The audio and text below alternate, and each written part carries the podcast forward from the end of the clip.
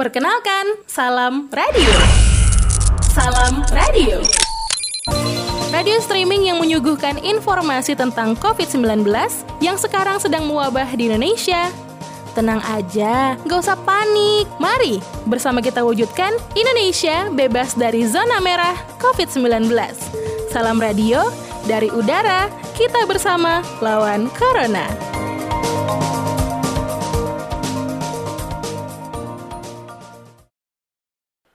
Assalamualaikum. Waalaikumsalam warahmatullahi wabarakatuh. Mas Abdul. Iya. Piye kabarnya Mas Abdul? Alhamdulillah mas. Hmm, kita lama sekali nggak bertemu nih. Ini bertemunya di udara. Oh iya, banyak narasumber yang eh, jarang ketemu, terus ketemunya kita di udara dalam suasana yang sangat prihatin. Tapi Uh-uh. sehat Mas Abdul ya. Ya alhamdulillah. Iya. Eh, Alhamdulillah. Dengar salam radio Mas Abdul ini eh, ganteng-ganteng saya nggak nyebut jelek-jelek karena di bulan Ramadan Mas Abdul. Mas Abdul eh, Mas Abdul ini adalah seorang kurator dan eh, pembatik di batik Taman Lubini di Sewon ya Mas ya di Iya, Yogyakarta. Anu di Bangjo ya, Iya Yogyakarta. di Yogyakarta dan eh, karya-karyanya sangat kreatif dan motif-motif batiknya itu sangat bagus. Nanti eh, saya bisa menyebutkan nomor telepon Mas Abdul ya di sini sekarang wajib Ya. hukumnya. Barangkali Ya. nanti ada pendengar salam radio mau pesan batik ke Mas Abdul dipersilakan. Dan saya pernah monggo. juga diajarin Mas Abdul eh, batik itu batik cetak ya, canting ya Mas. Ah ya ya. Hmm, yang Batik apple tulis. ap- eh, bat- bukan batik Oh batik tulis, cap, ya ya ya, batik anu ini, batik cap namanya. batik cap eh, Ah, ah. itu apple. Iya. ya, saya lupa tahun berapa. Tapi saya pernah menjadi murid beliau. Mas Abdul, eh, eh, bisa diceritain nggak kenapa Mas Abdul jatuh cinta kepada batik? Eh, saya kurang tahu ya bagaimana awalnya saya bisa jatuh cinta. Tetapi pada dasarnya saya memang dari dulu mengagumi tentang kesenian. Lalu dari dulu saya tidak membatasi seni itu seperti apa. Begitu sehingga ketika saya dulu, saya kebetulan besar di Jakarta Hmm. dari dunia desain grafis. Ketika saya ternyata anu melanjutkan kuliah di Jogja, ternyata yang di- yang diterima adalah jurusan seni batik. Hmm. Itu hal yang sangat-sangat eh, jauh dari pikiran saya. Dan Loh. saya tidak tahu batik itu seperti apa awalnya. Hmm. Tetapi mungkin karena Jakarta, mungkin karena pendidikan dari Jakarta, bagi saya ini adalah tantangan keren. Sehingga saya jalani dan saya bangga sekali diterima di jurusan batik pada saat itu. Nah, dari situ kemudian saya punya pandangan. Kalau saya belajar di ruang lain, misalkan saya Hmm. dari desain grafis, saya bisa belajar desain grafis, tapi mungkin saya tidak bisa belajar batik. Tapi kalau saya bisa belajar batik, pasti saya bisa belajar desain. Nah, dari situ Hmm. saya tumbuh semangat untuk mengkaji lagi, mengkaji lagi dunia seni batik. Sampai akhirnya ya luluslah saya dari sekolah, dari kampus, sampai saya menemukan satu masyarakat dan di situlah tempat saya belajar betul-betul mengenai batik. Membina masyarakat batik dan dari situ saya mulai tertarik lagi yang mungkin orang lupa, yang mungkin orang itu hanya melihat sekilas dan saya dalami itu semua. Intinya seperti itu. Dan Hmm. akhirnya dibilang cinta ya bagaimana karena ya ini udah jalan saya seperti itu. gitu. Ya, Mas Abdul, batik itu ada fi- filosofinya nggak sih? Artinya sembarangan nggak sih itu batik? Oh. Apakah batik itu berkasta juga atau batik itu Hmm. eh, sebagai seni apa gitu? Iya. Ceritain Yang nggak, pertama Mas harus Batik? Ya, betul. Yang pertama harus kita sama-sama pahami bahwa seni pada dasarnya adalah satu upaya dari manusia dalam rangka mengisi hidup. Menurut saya itu yang terpenting. Lalu kemudian di balik itu semuanya, maka ada politik, ada ruang bagaimana cara itu bisa dikembangkan, bagaimana cara itu mengembangkan apa-apa yang kita kerjakan. Nah, di dalam ruang seni tradisi batik memunculkan ruang itu. Jadi kalau tadi misalkan ada kelas dan sebagainya, itu udah pasti ada kelas. Cuma karena ini yang punya seni batik tradisional itu ya memang ada kalau kelas dalam asumsi negatif kelas dalam asumsi positif misalkan. Misalkan begini, uh, saya akan mengatakan bahwa batik itu jelas ada nilainya. Bahkan kalau di dalam anu pengetahuan otak atik gatuk gitu misalkan, batik kalau dibaca terbalik kan saya seperti yang saya sudah pernah bilang ke Mas Agustian bahwa hmm. ternyata dibaca terbalik menjadi kitab. Artinya itu sudah menjadi tuntunan hidup. Nah, bukti dari tuntunan hidup melalui seni batik di tradisi seni Nusantara itu ter, ter apa, teraplikasi melalui motif-motifnya, teraplikasi selain pada prosesnya. Misalkan di dalam prosesnya, kita mengetahui di dalam proses membatik itu ada misalnya nyanting, warna, lalu kemudian ada melepas malam. Proses penyantingan itu kayak proses kita itu belajar. Kita benar-benar berjuang. Nah, di dalam proses penyantingan banyak deh. Ada yang namanya kita membuat outline. Nah, namanya di dalam batik itu namanya ngelowongi. Nah, saya mengapresiasi itu sebagai anu, sebagai satu upaya nilai bahwa kita belajar membuat bentuk dasar. Nah, sebuah bentuk dasar kalau di dalamnya tidak ada isi kan seperti ruang kosong. Sehingga itulah kemudian di dalam batik dimasuki ada nilai lebih yang disebut dengan istilahnya proses isen-isen. Pencantingan kedua itu biasanya. Jadi bagaimana ruang itu bisa menjadi indah, bagaimana ruang itu berisi, maka dibuatlah isen-isen. Nah motif-motifnya itu ada motif tambahan namanya isen-isen. Setelah proses itu baru ada proses tembokan proses blocking. Jadi kan tidak hanya perlu ada turun. Nah, blocking itu seperti pada ruang. Kalau tadi isil, blok yang jelimet itu ditutup dengan satu atau eh, canting yang berisi malam, tertutup semuanya, habis semuanya. Itu baru proses pembatik, baru proses pencantingan. Lari nanti proses pembatikan, pewarnaan. Nah, proses pewarnaan di dalam batik itu istilahnya dalam dalam bahasa Jawa itu babar. Babar itu Bahasa Indonesia artinya melahirkan. Nah, proses pencan, proses pewarnaan, proses membabar pada proses batik itu hmm. bukan hal yang mudah. Sebab apa? Kalau kita mewarnai kertas dengan warna, nah kita langsung tahu kan hasilnya dari dari coretan kita di kertas itu. Nah, tapi kalau di dalam dunia batik, pewarnaan itu kita tuh bayang-bayang. Yang kita lihat itu yang tak terlihat. Lihat sesuatu hasil kita melukiskan sebuah cat gitu misalkan. Nah, itu yang paling berat. Sehingga proses pewarnaan di dalam seni batik itu beratnya minta ampun. Sampai kemudian masuk ke dalam polit, ekonomi politik, industri pada masalah pada masa itu sampai hari ini. Kalau orang pengen kaya melalui dunia seni batik, bangunlah pengetahuan pewarnaan. Pasti cepat kaya. Hmm. Tapi saya yakin itu pasti akan tidak membuat apa akan menciptakan ketimpangan sosial antara pembatiknya karena cukup mewarna itu cukup berapa menit sementara membatik itu butuh butuh berapa hari atau bahkan bulan. Yeah. sampai dari proses pewarnaan itu muncul terakhir proses pelorotan.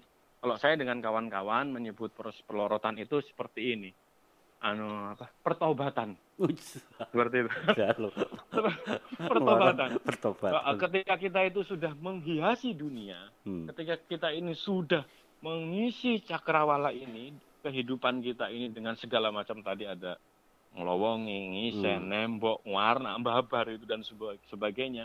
Nah, di sinilah proses pertobatan sehingga nanti kita muncul sebenarnya yang asli dari diri kita. Gitu. Jadi proses membatikan itu kan proses halang rintang. Proses membuat batik itu proses membuat ragam hias dengan teknik halang rintang. Hmm. Makanya dirintangi. Awalnya itu nggak kelihatan. Yang mau supaya kelihatan itu dengan cara dilorot atau di di ini pertobatan itu tadi. Setelah kita tobat nanti kita tahu sebenarnya diri kita. Nah itu seperti itu. Nah itu kan baru dari prosesnya. Nah kalau dari proses pewarnaannya gitu misalkan, eh, dari proses motifnya gitu misalkan, uh, nenek moyang kita ini sudah mengatur luar biasa bagaimana seni batik itu menjadi satu peranata sosial. Hmm. Kalau tadi saya katakan melalui prosesnya juga sudah menjadi peranata hidup masyarakat, maka di dalam motifnya juga menjadi peranata masuk masuk di dalam peranata sosial. Misalkan ada batik yang untuk raja atau penguasa. Eh, batik itu diatur. Oh ini untuk pengusaha, oh ini hmm. untuk raja oh ini untuk pemimpin, oh ini untuk rakyat jelata dan sebagainya. Nah ini jelas kelas kan, ini kelas. Tapi batik itu pada dasarnya kalau saya mau membicarakan secara apa simple gitu misalkan, itu memang mengatur harkat hidup manusia dari lahir sampai kematiannya. Hmm. Contohnya, Hmm. misalkan membuat anu motif poleng. Nah, kemarin saya di Facebook itu sampai membuat masker motif poleng. Hmm. Karena motif poleng itu apa adalah- maknanya tuh, Mas Abdul? maknanya itu tolak bala. Oh. Ketika kita ini ada persoalan, maka kita menggunakan motif poleng. Motif poleng itu sebagai satu doa nenek moyang untuk menghindari bala. Begitu. Agar kalau kita didekatkan lagi, agar kita tahu hitam dan putih kehidupan. Hmm, hmm, Jadi hmm. kalau dengan kondisi kayak gini, lalu kemudian kok masyarakat nggak bisa diatur? Ya karena tidak bisa membaca hitam putih kehidupan. Hmm. Mereka sombong dengan kondisinya, begitu. Sehingga berat sekali, gitu. Nah, makanya saya melalui Facebook, gitu, misalkan melalui melalui produksi batik saya, saya Hmm. mengapresiasi motif-motif itu agar masyarakat bisa terbangun lagi. Nah, poleng itu ternyata bukan hanya sekedar kotak catur hitam putih gitu misalkan. Padahal catur sendiri juga membutuhkan pemikiran kan. Hmm, hmm. Kita kehilangan nilai-nilai demikian. Sehingga kemarin saya buat itu motif motif poleng. Hmm. Kemudian muncul lagi ada motif kawung, Hmm. ada motif parang. Tak buat begitu sebagai satu bentuk edukasi. Ada motif situasi, ada motif teruntum, sampai begitu. Hmm, hmm. Sampai saya upayakan supaya apa? Kita bisa mengambil hik- apa namanya? nilai-nilai bahkan tuntunan doa dari nenek moyang kita bahwa kalau kita meyakini bahwa seni tradisi kita ini memang adiluhung, semestinya hari ini dalam kondisi yang sedang kita tuh diajak untuk prihatin, kita harusnya membuka lagi lembaran kitab-kitab lama kita, yaitu batik itu. Karena itu tuntunan hidup begitu. Ya. Itu yang Ya, eh, tadi Mas Abdul eh, Ah. eh, apa sampaikan saya menyimpulkannya Hmm. ada dua. Satu dari sisi perwarnaan sendiri yang terkait Ya. dengan industri. Satu Ya. lagi adalah motif yang Ya. terkait dengan seni kreasi, Ya. Eh, kemudian ide, fil Ya. falsafah dan itu kaitannya dengan eh, orang pembatiknya. Nah, Iya. saya eh, ingin eh, feedback ke belakang dulu nih, Mas Abdul. Dari sisi perwarnaan industri, kan Hmm. dulu juga yang menyebabkan Haji Samanhudi eh, untuk bersama-sama membuat semacam sebuah perhimpunan, betul. yaitu Syarikat Dagang Islam Syarikat pada Islam. Ya, betul. Syarikat Dagang Islam pada saat itu Ya. di Lawean, Iya. di, di mana para pembatik ini juga eh, tidak bisa dimonopoli eh, dengan dengan bahan baku yang diatur oleh eh, atau dimonopoli oleh perdagangan Hindia Belanda. Iya. Bisa Mas Abdul ceritakan sebuah peristiwa itu, Mas? Eh, hampir, aduh, saya nggak bisa ngomong detail ya tentang Hmm. masalah eh, anu yang tentang tadi Haji Samanhudi. Tapi Hmm. pada kenyataannya, prod- eh, seni batik pada masa lalu itu menjadi primadona ekonomi masyarakat, primadona industri masyarakat. Hmm. Sehingga muncullah seperti SDI, SI dan sebagainya itu yang kemudian sampai sekarang misalkan itu sebagai satu pengelola bagaimana ekonomi masyarakat itu hidup seperti itu. Itu yang saya saya baca demikian sampai di, da- dan di mana-mana termasuk di Pekalongan gitu. Hmm. Di Pekalongan hidup juga karena memang sebaran dari Serikat Dagang Islam itu. Seperti itu. Begitu. Jadi kekuatan kekuatan ekonomi eh, ekonomi Islam misalkan Hmm. begitu. Itu memang dilalui melalui SDI itu begitu. Ya, kalau di Lawean itu batik modelnya batik apa, Mas? Ini kan ada Ya, batik kalau- pesisir, batik Oh, mboten. ya Ya. Jadi kan macam-macam nih secara itu- demografi juga kan eh, batik itu eh, beda-beda alirannya. Bisa Ya, diceritain, Mas? betul. Ya, betul. Jadi begini, anu batik di Nusantara itu terbagi menjadi dua. Hmm. Anu kalau kita menganut kolonial lah misalkan. Hmm. Ada batik pesisiran dan ada batik pedalaman secara geografisnya. Batik pedalaman itu diwakili seperti oleh batik keratonan. Batik keratonan itu ada Jogja, ada Solo. Lalu kemudian daerah-daerah yang dekat dengan itu seperti Wonogiri, Klaten itu termasuknya itu. Klaten begitu. Nah, itu daerah-daerah batik pedalaman. Nah, Sementara batik pesisiran itu seperti Pekalongan, Cirebon, Lasem, Madura, Hmm. ya itu batik-batik di pesisir. Nah karakteristiknya berbeda sekali antara batik pedalaman dengan batik pesisir. Batik pedalaman itu cenderung uh, geometrik simbolik. Motif-motifnya itu cenderung geometrik simbolik. Warna-warnanya cenderung warna-warna yang menganut anu filosofi warna uh, sogan dan wedel. Wedel itu biru kehitaman, sementara hit, anu sogan itu kecoklatan. Tapi bukan dimaknai hanya sekedar coklat sogan itu. Jadi kalau boleh saya tambahkan, Hmm. warna soga wedel itu seperti alur hablu minallah wa hablu minannas. Hubungan manusia dengan Tuhan dan hubungan manusia dengan manusia. Itu warna warna wedel itu asumsi anu warna warna keilahian, sementara warna sogan itu asumsi warna keduniawian. Dua warna itu yang menghidupi batik di pedalaman, seperti di Lawean atau Solo itu. Begitu. Nah, motif-motifnya seperti apa? Jadi batik di Solo, batik di Jogja itu hampir sama warnanya. Motifnya saja yang prinsipnya motifnya sama. Jadi di anu eh, geometrik simbolik. Ada motif Ayu Tumurun, ada motif Sido Asis, Sido Mukti, Sido Luhur, ada Sekar Jagat gitu dan banyak lagi motif yang mengatur anu pranata hidup masyarakat dari lahir sampai kematian. Tadi saya belum sebutkan itu Mhm. seperti itu.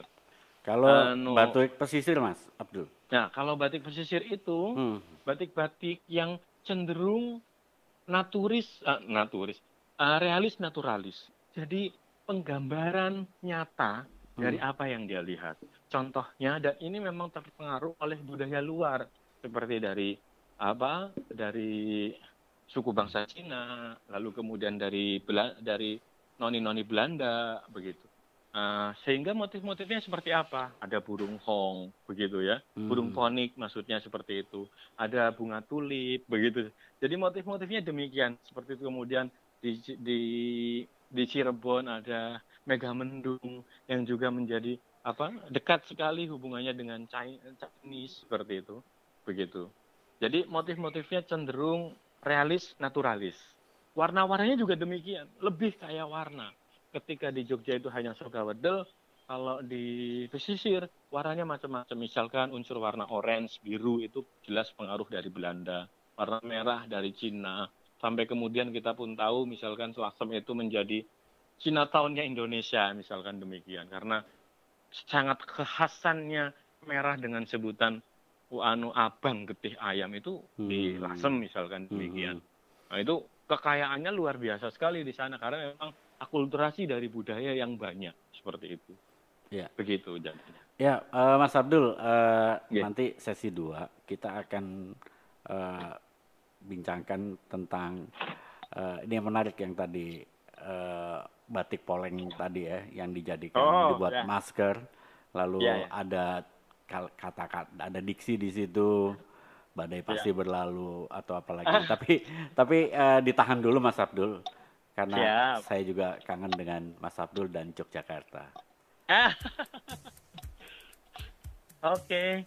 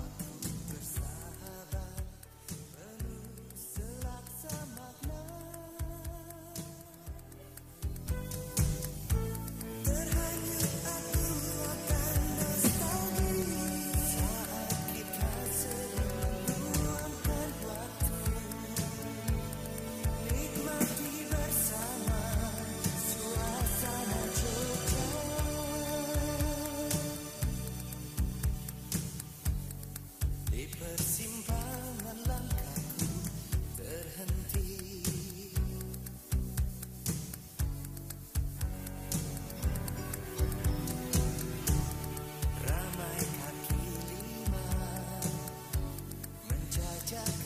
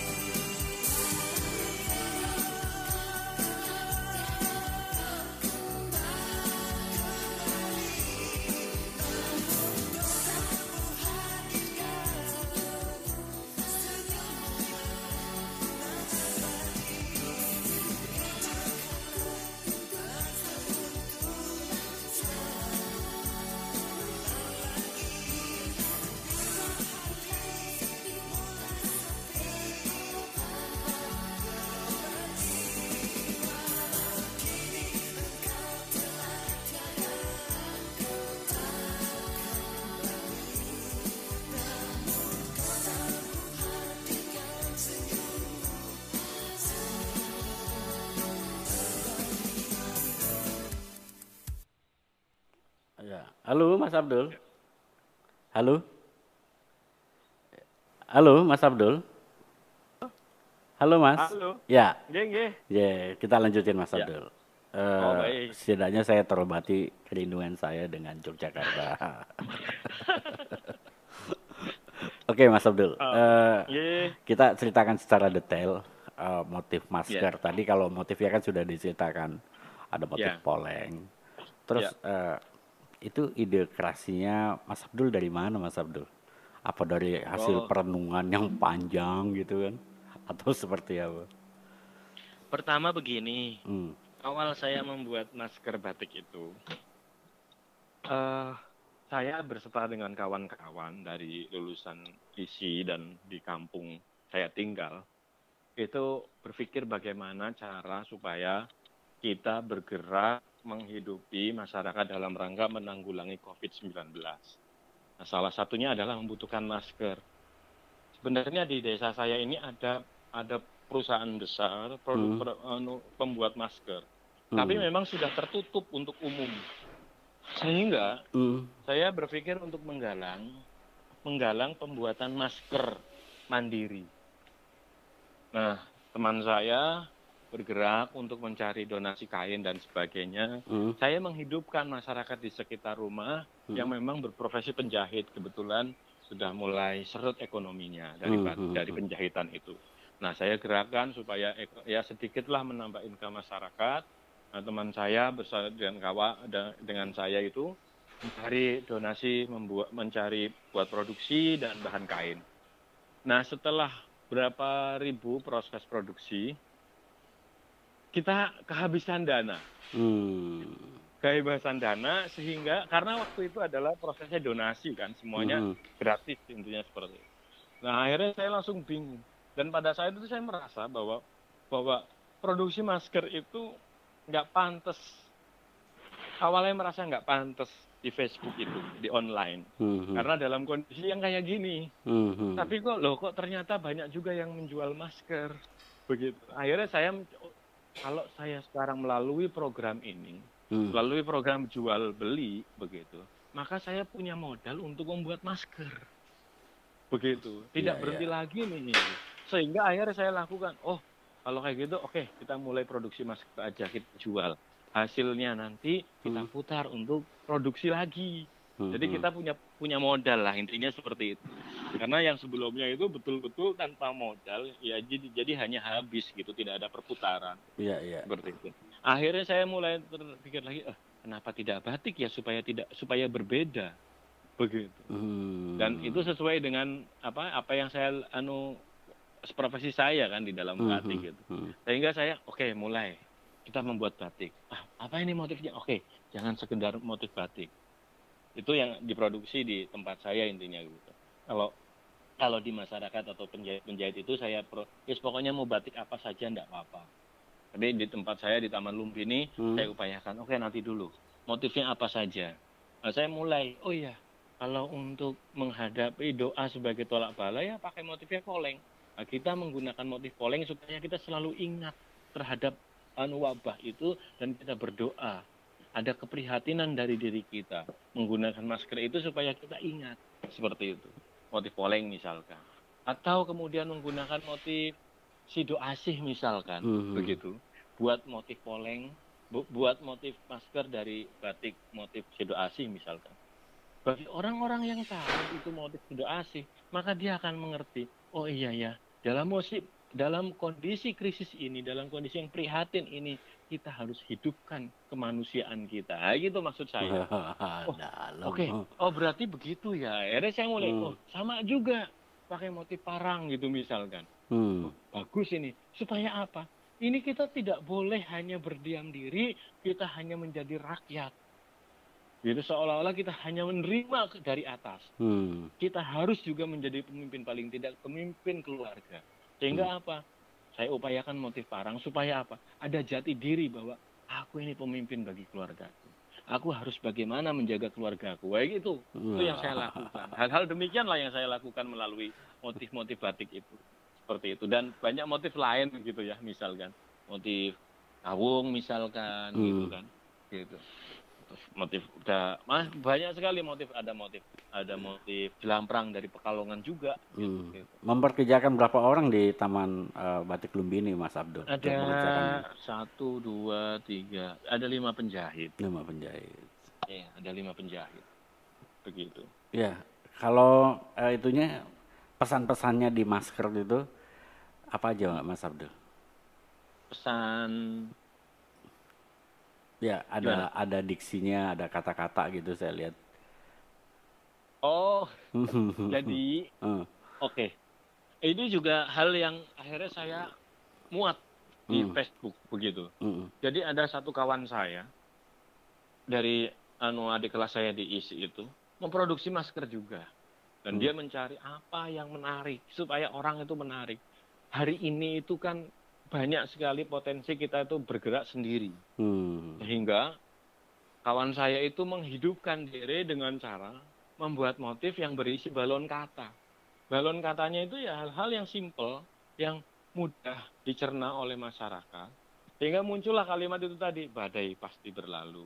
Hmm. Lalu kemudian ada ada kalimat yang sangat-sangat anu lucu, misalkan Hmm. orang sah ngeyel. Oh, gitu. Oh, rasa Orang ngeyel. sah ngeyel. Supaya lah iya dalam kondisi Iya, iya, kayak iya. gini tuh, bro. Terus ada jaga jarak seperti Hmm. itu. Heeh, gitu. Itu memang dilakukan supaya supaya dari masker menutupi tubuh menutupi mulut dan hidung begitu, Hmm. tapi masker itu punya ajakan kepada Hmm. masyarakat. Ah, sampai saya itu upayakan itu ada di kebetulan apa? Saya melakukan ibadah sholat tarawih dengan terbatas ya di sekitar Hmm. rumah ya begitu. Ah, saya gunakan itu masker itu. Jadi ketika misalkan mohon maaf saya jadi imam, saya Hmm. melihat ke jamaah, masa ma- ma- jamaah kan akhirnya melihat semuanya itu. Iya, iya, iya. iya. Misalkan hari ini saya menggunakan ka- anu kata rasah ngeyel, udah Rasah jamaah itu kudu nurut. Terus seperti itu. Iya. Sampai akhirnya misalkan pada waktu yang lainnya saya menggunakan anu tulisan jaga jarak misalkan. Hmm. Sehingga jamaah sendiri akhirnya sadar, oh iya ya, kita sakjane nggak boleh melakukan kerumunan begini, tetapi ada satu upaya, ya udah Hmm. ada into, anu apa, toleransi dengan cara kita berjaga jarak, berjarak, nah, gitu makanya tulisan jaga jarak dan sebagainya. Nah, masker-masker seperti ini menurut saya yang sangat penting. Jadi satu sisi secara ekonomi memang betul menghidupkan, tapi satu sisi betul anu ada muatan, ada pesan Mm-mm. itu menurut saya yang sangat penting hari ini begitu. Kalau jujur awalnya memang saya berat untuk jual beli masker itu, Mm. tapi karena ternyata harus modal harus berputar begitu, anu modal harus berputar sehingga saya lakukan cara itu begitu. Ini aja saya kemarin produksi yang ketika kedua ini juga udah mau habis berarti. Oh, luar biasa. Tapi Hmm. tapi eh, ini saya juga juga sekalian menyampaikan Hmm. bahwa di minggu-minggu ini sudah kayaknya kondisinya sudah mulai surut. sebab Hmm. Saya mendengar ada informasi bahwa masker kesehatan juga sudah diproduksi lebih banyak lagi, Hmm. sudah ada di apotek-apotek sehingga nah ini tadi mungkin kayak saya ini ya ah, bersyukur ya apa maksudnya alhamdulillah. Tapi ada teman-teman para pembatik yang tiba-tiba memang menjadi produksi produksi masker ini yang kondisinya akhirnya berat. Dia sudah produksi sementara masker kesehatan sudah turun di lapangan. Sehingga orang kembali kepada masker kesehatan dan masker batik mati. Itu yang saya banyak lihat begitu. Sehingga mari kita semuanya Hmm. ketika kita membeli masker batik itu, saya pikir tidak hanya sekedar kita bicara tentang kesehatan, tetapi ini juga kita berpikir tentang kesehatan masyarakat, kesehatan ekonomi masyarakat. Ada penjahit, ada pembatik, begitu. Iya, Mas Abdul, aduh, Ya. ini waktu juga. Nah, saya ingin mendengarkan kisah batik Taman Lumbini, Mas Abdul. Oke. Eh, ya, tapi sebelumnya, eh, bagi pendengar salam radio yang ingin lebih jauh tentang batik Taman Lumbini, bisa menghubungi Mas Abdul Syukur di 0813 2874 6624. Saya ulangi bagi pendengar salam radio yang ingin menghubu- menghubungi Mas Abdul Syukur di Taman Batik Lumbini di Yogyakarta. Nomor teleponnya 0813 2874 6624. Silakan Mas Abdul uh, tentang batik. Yeah. Kenapa namanya batik tam, batik Taman Lumbini? Uh, saya seorang Muslim hmm. dan saya uh, ada di dalam dunia seni dan saya menyukai sejarah.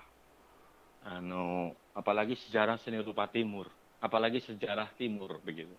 Nah, sebagai seorang Muslim yang awam, saya itu mendapat semacam kayak ilham, mm-hmm. begitu bahwa sebagai awam saya sekalipun bahwa saya awam pasti saya saya jadikan kanjeng Nabi adalah panutan saya. Hmm. Tetapi rasanya saya perlu apa tangga untuk mencapainya. Nah, sebab itulah kemudian saya berpikir mencari hal yang saya yang paling dekat dengan dunia saya, paling dekat dengan saya kepribadian, misalnya demikian, yang bisa mengantarkan itu kepada kanjeng Nabi. Sehingga dari banyak cerita, dari banyak literatur, ada kisah mengenai Sang Buddha Siddhartha Gautama. Hmm. Nah, di dalam kalau tidak salah itu di Bhagavad Gita, eh, Bhagavad Gita atau bagaimana disebutkan bahwa juga disebutkan akan ada seorang yang menjadi penerusnya. Nah, disebutkan bahwa dia itu adalah Kalki Alfatara. Kalki Alfatara dalam pandangan saya itu ya kanjeng Nabi Muhammad Shallallahu Alaihi Wasallam. Sebab itulah saya kemudian mencoba mengapresiasi Buddha sebagai jembatan saya menuju kanjeng Nabi Muhammad Shallallahu Alaihi Wasallam. Melalui apa? Melalui Taman Lumbini. Mm-hmm. Nah, Taman Lumbini itu apa? Taman Lumbini adalah sebuah area di mana Siddhartha Gautama yang lahir dari aristokrasi itu keluar keluar dan menemukan jati diri aslinya hmm. dalam satu ruhani dan dilahirkan ruhani tersebut di di di Taman Lumbini di bawah pohon Bodhi. Begitu. Disebutkan oleh banyak para ini. pakar, hmm. pakar pohon, sejarah dan sebagainya hmm. bahwa pohon Bodhi adalah pohon yang memang istimewa untuk kita bersemedi atau kita berhubungan dengan Tuhan. Nah, itu yang membuat saya membayangkan bahwa Taman Lumbini adalah surga. Hmm. Adanya keindahan di dalam Taman Lumbini itu yang membuat saya semakin yakin hmm. menggunakan anu apa usaha batik saya brandingnya bernama Batik Taman Lumbini. Termasuk pesantren ya.